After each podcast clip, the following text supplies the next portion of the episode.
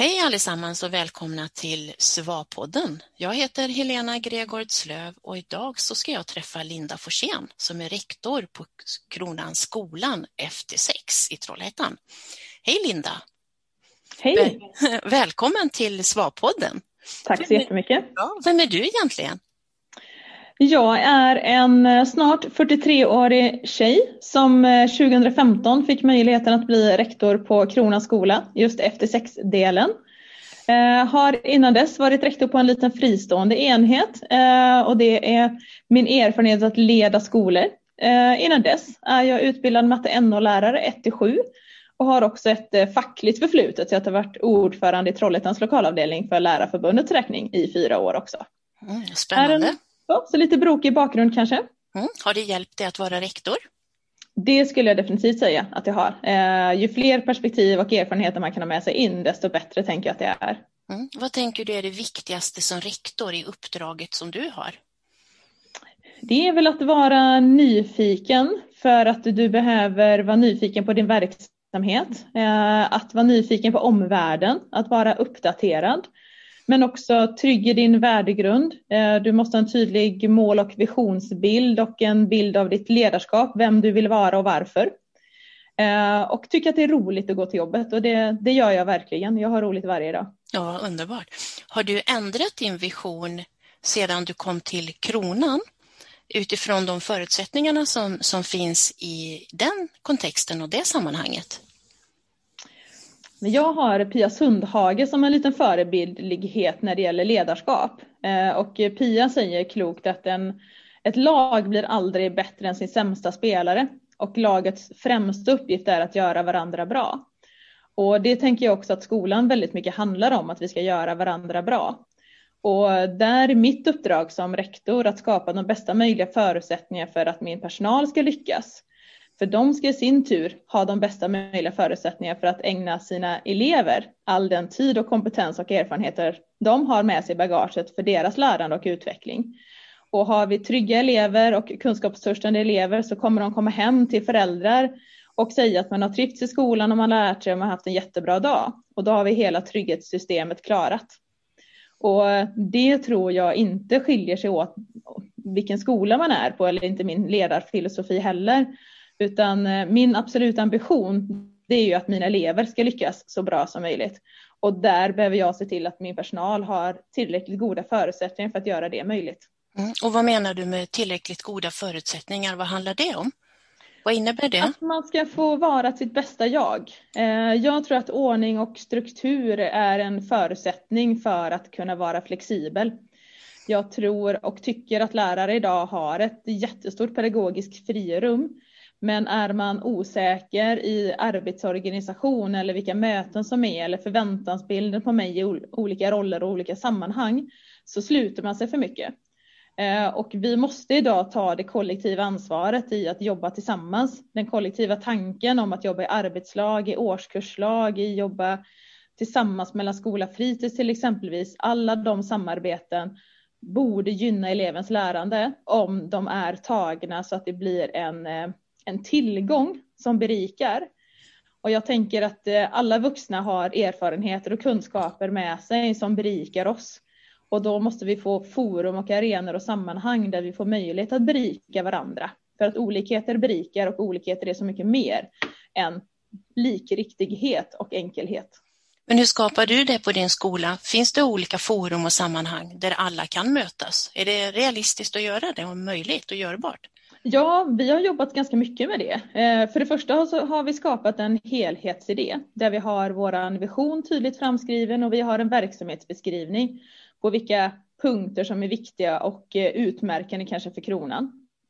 Eh, sen har vi en ganska tydlig fördelning mellan arbetsorganisation och utvecklingsorganisation. Vi har en tydlig agenda för läsåret med ett kalendarium som är nästan nitiskt i genomgånget så att säga över vilka möten som finns, eh, vem som leder dem, eh, vilka tider de är på, eh, vad som förväntas av de personer som ska vara där för att man ska veta det för att vara förberedd.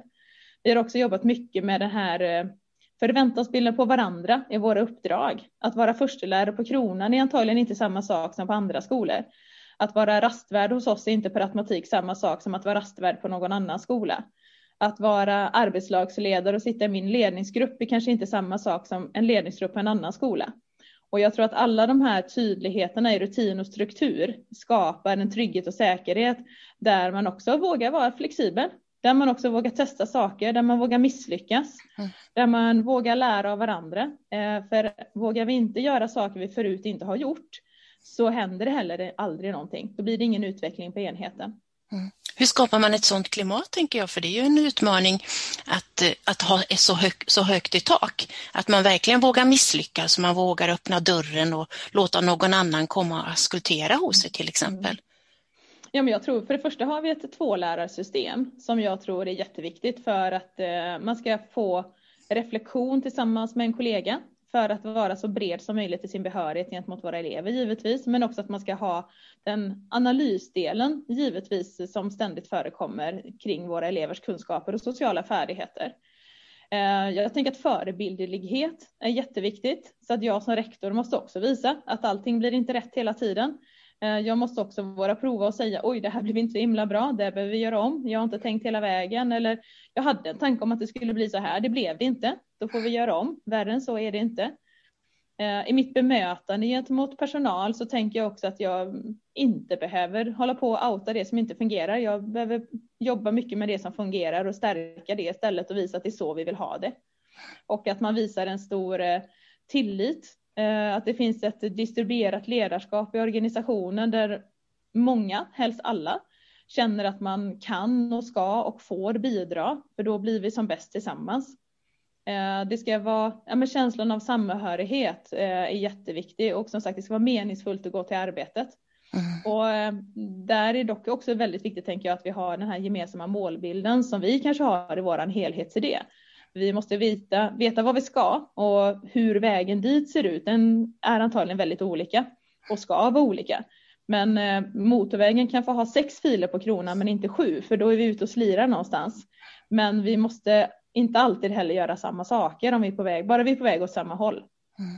Hur, för, hur, hur förankrar du och förmedlar du det bland alla yrkeskategorier? För jag tänker på Kronan så tänker jag att det är självklart att det finns studiehandledare, kanske modersmålslärare som kommer och går. Hur skapar mm. du den tryggheten och den känslan av gemenskap och samma mm. vision där? Det kan, måste ha tagit tid. Det har tagit tid. Jag har varit på Kronan nu sedan hösten 2015 och det är nu jag tänker att vi skönjer stora framgångar av det arbetet vi har lagt ner tillsammans. Eh, och jag tänker också att det är viktigt att träffa alla yrkesgrupper eh, så att vi träffar förskoleklassen för sig. Vi träffar fritids ibland för sig. Vi träffar fritids och förskoleklassens all personal tillsammans. Jag träffar min elevhälsoteam. Jag träffar studiehandledarna separat. Vi har F till 3 möten, vi har 4 till 6 möten, vi har F till 6 möten, vi har årskursplaneringar. Och hela den strukturen lägger sig i ett pussel på något sätt där det är jätteviktigt att alla känner att man har samma information, eh, att man vet vad som händer i organisationen även om man kanske inte alltid är direkt berörd av det, men man ska veta om det. Eh, jag lägger ganska mycket tid på kommunikation eh, för att man ska veta, som sagt, man ska veta om. Och jag tror också att ju mer man vet, desto större respekt kan man ha för beslut som fattas, även om man kanske inte alltid tycker om dem. Men då har vi den tillitsfulla klimatet till varandra och där, där jag också vill att man också ska kunna komma och säga Linda, jag vet inte om det här blev så bra, men jag uppskattar också när personal kommer och säger jag tycker inte att det är för mig det bästa beslutet, men jag förstår varför du gör det och för verksamheten blir det bra så att vi tar det här. Händer det att det sker så? Det händer, mm. absolut. Och hur, hur märks det här för eleven, i elevens vardag? Att organisationen är uppdelad på det här sättet och strukturer. Och, eh, hur märks det hos barnens välbefinnande och måluppfyllelse? Dels så hoppas jag att man upplever att eh, vi har en samsyn och ett gemensamt ansvar för alla elever. Att det spelar ingen roll om man går i förskoleklass eller trean eller sexan, utan vi är lika mycket ansvariga för alla elever i att det ska gå bra för dem.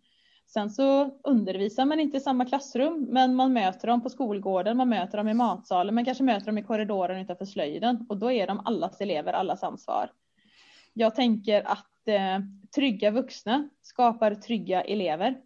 eh, och visar de vuxna att vi har ett samspel med varandra, att vi är olika, gör olika, eh, ser olika ut, pratar olika språk kanske, eh, har olika erfarenheter med oss och är olika gamla. Eh, då blir det ett förhållningssätt till undervisning, ett förhållningssätt till värdegrund som blir viktigt i att bygga den här relationen. Eh, jag är övertygad om att trygga tillitsfulla relationer är det som gör om du lär dig någonting överhuvudtaget. För har du inte det samspelet, varken mellan personal och personal eller personal och elever, så kommer det aldrig gå lika bra som om vi har den relationen med varandra. Och där måste ju precis som, som vi vill att eleverna ska få möjlighet att lyckas och att det ska vara det tillitsfulla klimatet i klassrummet, så måste vi ju bjuda på oss själva det. Att säga oj, det här blev inte så bra. Oj, nej men se nu vad tokigt jag har skrivit här. Oj, ja men herregud, nu har jag glömt det. Jag måste gå och hämta. Och det, vi behöver öva våra elever på att få misslyckas för att kunna göra rätt också. Mm. Och ja, det är viktigt. Och, och, känslan av att misslyckas och prata om det som att det är ett lärande, det är också oerhört viktigt. Jag tänker, ja, så tänker jag, du säger att efter sex år så ser du att det händer saker och ting. Mm. Men nu är det ju dags att ändra saker och ting och förhållandet på kronan. Mm. Eh, vad, är det som, vad är det som ska ske nu? vad tänker du kring det? Ja, det nya för oss blir ju att vi eh, lägger ner årskurs 4 till 9 på Kronans skola eh, och våra elever ska då anvisas till fem mottagande skolor. Eh, vi på Kronan så blir det en FT3-skola. Vi tar emot de eleverna som förut har tillhört Frälsegårdsskolans upptagningsområde, så vi blir en lika stor skola idag som det är på F6, men bara med yngre års elever kan man säga då. Eh, så det blir en spännande resa, så vi är både mottagande skola och avlämnande skola. Mm. Det låter som det är många processer på gång. Hur, det är det verkligen. Ja, hur hanterar man det och hur, och hur reagerar barnen på det här, våra elever? Det är väldigt, väldigt blandat. Eh, framförallt så var det en eh, en lång beslutsprocess, eller i deras värld väldigt lång tid tror jag. Eh, det blev ett konkret förslag i mitten på augusti och beslutet fattades i slutet på oktober. Och ur, ur barnens perspektiv och säkerligen många vuxnas också för den delen så var det långa månader. Eh, det var en eh, stundtals känslig politisk debatt eh, därför att det var inte bara Kronan och Frälsegårdsskolan. Det handlade om Velandaskolan var med som en del av förslaget till exempelvis. Plats på fritids och utökad vistelsetid på förskolan fanns med i förslaget också. Så det var många, många delar i det. Och när man väl hade landat i ett beslut, då tyckte jag det var ganska skönt, för då hade vi någonting att förhålla oss till. Och då kunde man mer prata om, nu vet vi vad som gäller och nu ska vi göra det bästa av det. Och då blir det också väldigt mycket verkstad. Eh, och den verkstaden är ju den vi lever i nu. Allt ifrån att jag har gått och räknat eh, skåp på 7-9 därför att de ska bytas ut mot eh, vanliga klädhängare och skohyllor för yngre elever. Eh, att sätta in torkskåp där det förut inte har varit det. Samtidigt som vi ska prata om hur vi skapar bästa förutsättningar för de nya eleverna från Frälsegårdsskolan och känna sig välkomna hos oss. Så att det är väldigt många olika slags processer som är igång. Mm. Och hur möter man de eleverna som ska lämna? Eh, jag tänker det är en normal process att lämna årskurs 9 och möta gymnasiet. Men mm. de som lämnar årskurs 6 eller ja, kanske till och med eh, fyran nu för att mm. möta en annan skola. Hur har, mm. hur har ni jobbat med det? Dels har vi jobbat tillsammans med både elev och vårdnadshavare. Så att eh, vi har, eh, man har spelat in filmer från utbildningsförvaltningen på de nya skolorna så att det ska finnas en positiv förväntansbild eh, lite vart skolan ligger och så, så att man också har det. Eh, ganska mycket informationsmaterial har skickats ut kring hur man tar sig dit, eh, som sagt vart skolan ligger, vad det är för slags skola. Eh, väldigt välkomnande filmer har det varit. Eh, en stor del för våra elever, oavsett om de är årskurs 3 eller 6, har varit just hur man tar sig dit, transportfrågan. Och man kommer ju åka skolbuss. Eh, och tanken var att vi innan jul skulle ha åkt buss, eh, elever och vårdnadshavare tillsammans som på ett öppet hus ungefär till de mottagande skolorna. Tyvärr så kunde vi inte genomföra det på grund av corona, men planen ligger fortfarande kvar. Så att vi hoppas att vi kan genomföra något liknande innan sommaren kommer så att man har fått möjlighet att faktiskt åka bussen till sin nya skola. Eh, man kanske får vara där sen eftermiddag kväll där det inte är så mycket andra elever tyvärr idag. Eh, men ändå få se lokaler och se vart man går in och få en förväntansbild som stämmer med den man kanske har förhoppningsvis då. Eller få sina frågor besvarade om det är något som man, som man inte känner sig lika trygg i. Eh, och sen så jobbar vi lite parallellt så att vi vet att det spelas in filmer hos de mottagande skolorna som vi kan visa våra elever där man blir hälsad välkommen som sin nya klasskamrat och så. Man skriver lite brev och brevväxlar nu för att lära känna varandra eftersom vi tyvärr inte har möjlighet att träffas lika ofta och så som vi hade hoppats att kunna göra nu. Mm. När du säger att eh, de kommer att bussas, kommer de också mm. att eh, bussas tillbaka eller på eftermiddagen eh, ha fritids på den nya skolan eller hur kommer det förhålla sig? Om man nu man kommer pratar kunna om... välja så att säga. Eh, skolbussen går från, från kronan till den nya skolan eh, när, på morgonen och den går hem när skoldagen är slut. Så att det är ingen så att säga kollektivtrafik utan det är en vanlig skolbuss som kommer gå fram och tillbaka. Eh, när det gäller fritids så har man som vårdnadshavare kunnat välja om man vill ha fritids på kronan eller på den nya skolan. Och där har de flesta valt att ha kvar sin plats på kronan. Eh, så att då åker man med skolbussen tillbaka och vi tar emot dem när de kommer hit på eftermiddagen och så startar fritids för dem då. Mm. Och samma på morgonen, att man kan lämna här tidigt på morgonen. Man äter sin, eh, sin frukost och myser här en stund och sen så går man ut i skolbussen och åker till sin skola. Då kan man fortfarande säga att kronan är navet fortfarande. Ja, det blir lite så för ja. många av dem. Ja, och på vilket sätt eh, kan man säga att det här förstärker integrationen om, om kronan fortfarande är navet för barnen?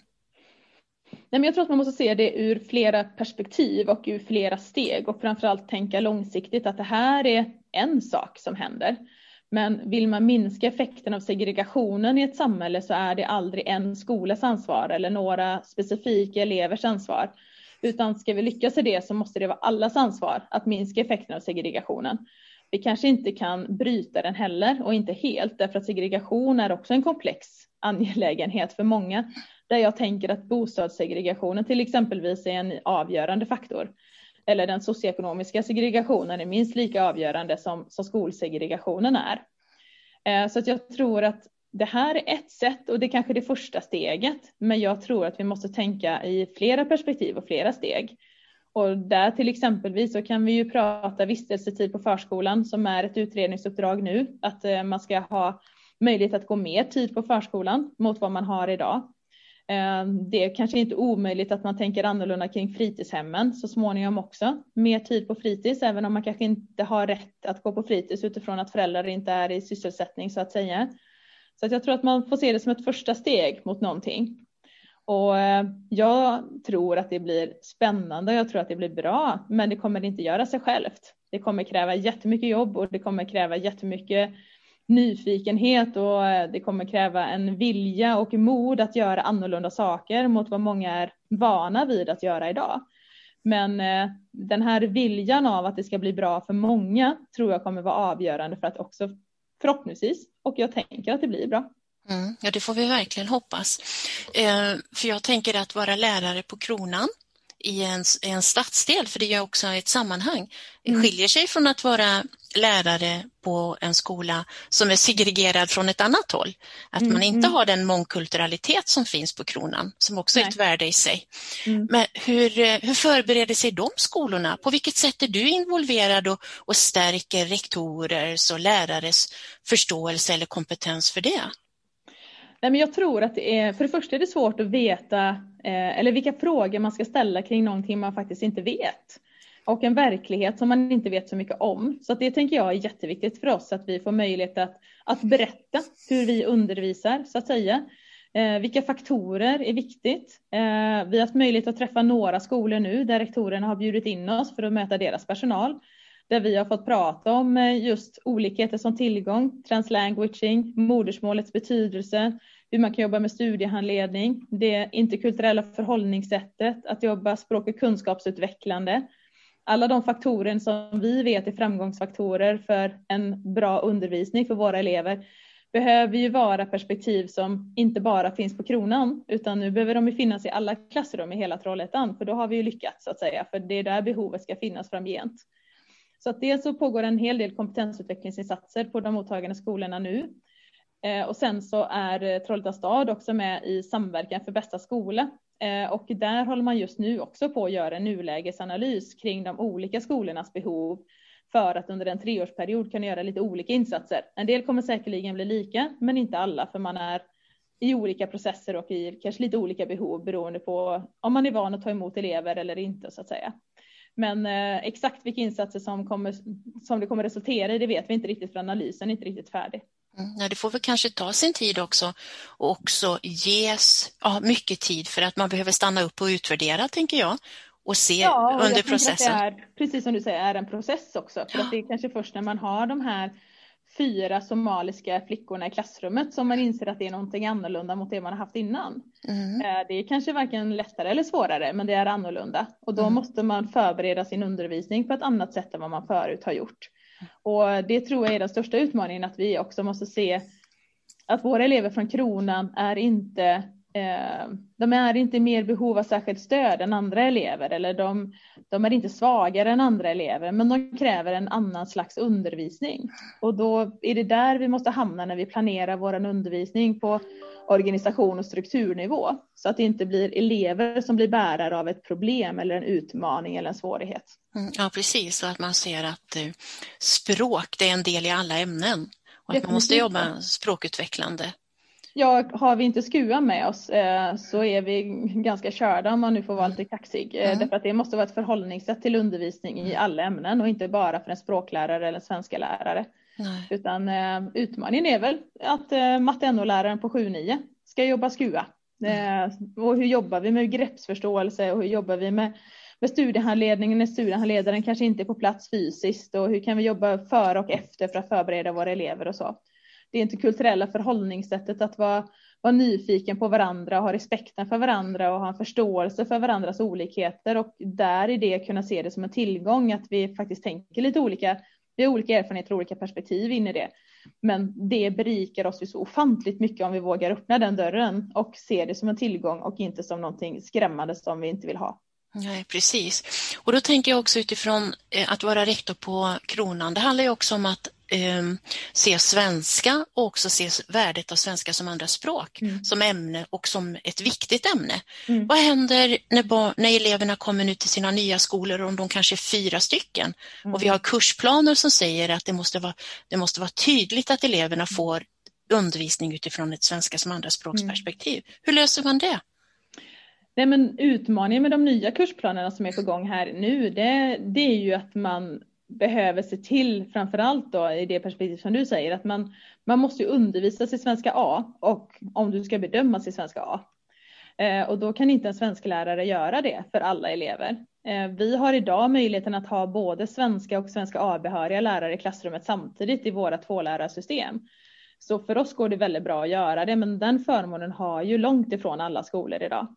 Så att jag tänker att det kräver en del logistik i att organisera sin svenska undervisning. Men det viktigaste är att man inte glömmer att svenska A-eleverna ska undervisas av svenska A-lärare och inte av en svensklärare. Mm. Och det där är svårt och det märks ju runt om i skolor i Sverige. Eh, dels för att det är brist på svenska som andraspråkslärare mm. men också kanske för att man inte heller har insikten om värdet av att ha svenska som andraspråkslärare eller att det kostar för mycket helt enkelt. Så kan det absolut vara. Jag tror också att det är viktigt att man som, som skolledare och rektor också är inbegripen i vad skillnaden är mellan, mellan svenska och svenska A. Eh, för det är det vi ska erbjuda våra elever. Jag tänker också att det är viktigt med den här analysen och uppföljningen. På vilka grunder bedömer du om en elev ska läsa det ena eller det andra? Eh, och när gör den avstämning och analys om man ska vara kvar i svenska A eller om det faktiskt är så att du ska läsa svenska nu och för det är ju inget som är givet att det bara löper på heller för att eleven hade det en gång i tiden eller när man började på den här skolan utan det behöver man göra ständiga bedömningar i och hitta en rutin för hur vi gör det. Mm. Och där ligger också dilemmat med svenska som andraspråk, tänker jag. Är det stöd, resurs eller är det ett självständigt ämne? Mm. Och, mm. och, och, det måste man ju också förhålla sig till eller ta ställning till som förälder och, och elev. Mm, men verkligen, verkligen. Ja, nu, nu tänker jag att det är snart dags att avrunda det här, men jag, det är spännande och intressant så jag skulle gärna vilja fortsätta. Men jag vet också att nu eh, när du, när Kronan blir en FT3-skola, så står du också inför andra uppdrag. Ja, men det stämmer faktiskt. Mm. Vad tar du med dig från din, dina år på Kronan? Du har ju varit länge nu tycker jag och det är mm. fantastiskt egentligen för det är ju inte vanligt att rektorer stannar så länge som du har gjort på, Nej, på men det går ju, jag skulle ju egentligen inte ens börja på Kronan. Eh, Jaha. tanke 2015 utan jag var intresserad av en annan rektorstjänst. Men så försvann den och fick ju då möjligheten att gå på intervju på Kronan och säga till min man sådär att Eh, jag är inte så intresserad av den här tjänsten men jag får väl gå dit så ser vi vad det leder till. Och kommer hem tre timmar senare och säger om jag inte får den här tjänsten så blir jag fruktansvärt besviken. Eh, och då undrar han lite vad som har hänt på tre timmar. Och då tänker jag att det var väl lite den här nyfikenhet för mig då så var det någonting helt annorlunda mot vad jag tidigare hade erfarenhet av. Jag kunde väldigt lite kring modersmålsundervisningens vara eller inte vara, modersmålets betydelse, hur man organiserade studiehandledning, hur man bygger den här organisationen utifrån flerspråkigheten som norm och hur vi måste bygga en kollektiv styrka för att orka och ta hand om varandra i de ibland tuffa förutsättningar vi har att leva och undervisa i. Ehm, och nu går jag vidare som sagt till nya utmaningar till en skola som är väldigt olik Kronan. Öxnereds skola i Vänersborg är det som stundar efter sommaren. Spännande. Och, eh, jag tror ju ändå att jag söker den här olikheten mot vad jag har idag, för det är väl det som utmanar mig någonstans. Sen så tänker jag att mitt perspektiv på att jobba förebyggande kring elevhälsan, att bygga ett väldigt starkt lag där jaget får utrymme att bidra med kompetens och erfarenhet, men det är vi som gör det tillsammans. Där, eh, där vi tillsammans ska analysera och utmana varandra, där vi tillsammans ska bygga de bästa förutsättningarna för eleverna, där vi hela tiden ska ha undervisningen i fokus, eh, elevens bästa i fokus. Eh, ibland kanske våga ta lite tuffa beslut om vi tror att det är bäst för eleven. Eh, det perspektivet tänker jag att jag ska ta med mig. Eh, och verkligheten, eller verkligen det här att olikheter berikar och är en sån fantastisk tillgång.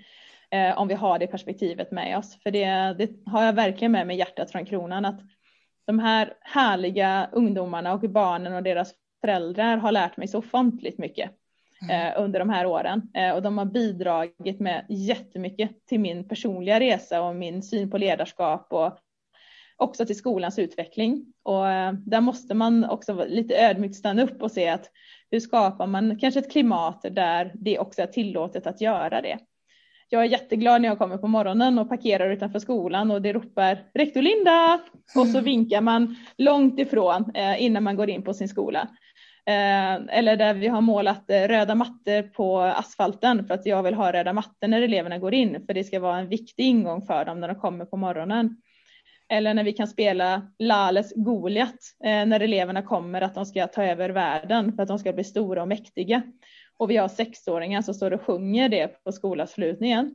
Då tänker jag att då har vi lyckats någonstans. Absolut, och fått kraft att se sig själv som bärare av kunskap och, Ja. och glädje, verkligen. Ja, för de här eleverna ska ha precis samma möjligheter Mm. att bli precis vad de vill eh, som alla andra elever har. Eh, och där behöver vi vuxna kanske slåss lite hårdare för det ibland.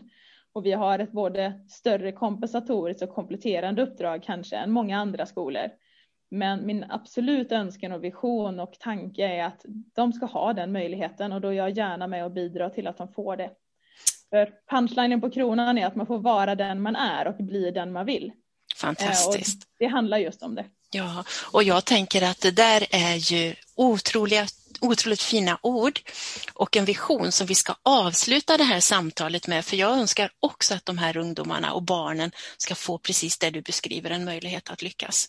Och jag tänker att bara att få lyssna till dig och jag hoppas att andra ska känna samma sak, att kraften och glädjen och modet som du har och lagspelaren som du är, förstår jag, Ja, det är viktigt. Ja, visar, Laget före jaget. laget före jaget, vad fint. Visar också att vi måste jobba tillsammans. Mm, verkligen. Verkligen. Mm. Tusen tack Linda för att eh, du var med i SVA-podden. Tack för Fantastiskt. att jag fick Mm. möjligheten. Härligt. Och lycka till ska jag säga för det som du har framför dig. Men också lycka till till våra barn och ungdomar Exakt som ska gå vidare. De behöver det. Ja, men det gör de verkligen. Och vi ska skapa de bästa förutsättningar vi kan innan det är dags att skicka dem vidare. Håller jag med om. Så tack så jättemycket. Tack ska du ha. Hej då! Hej!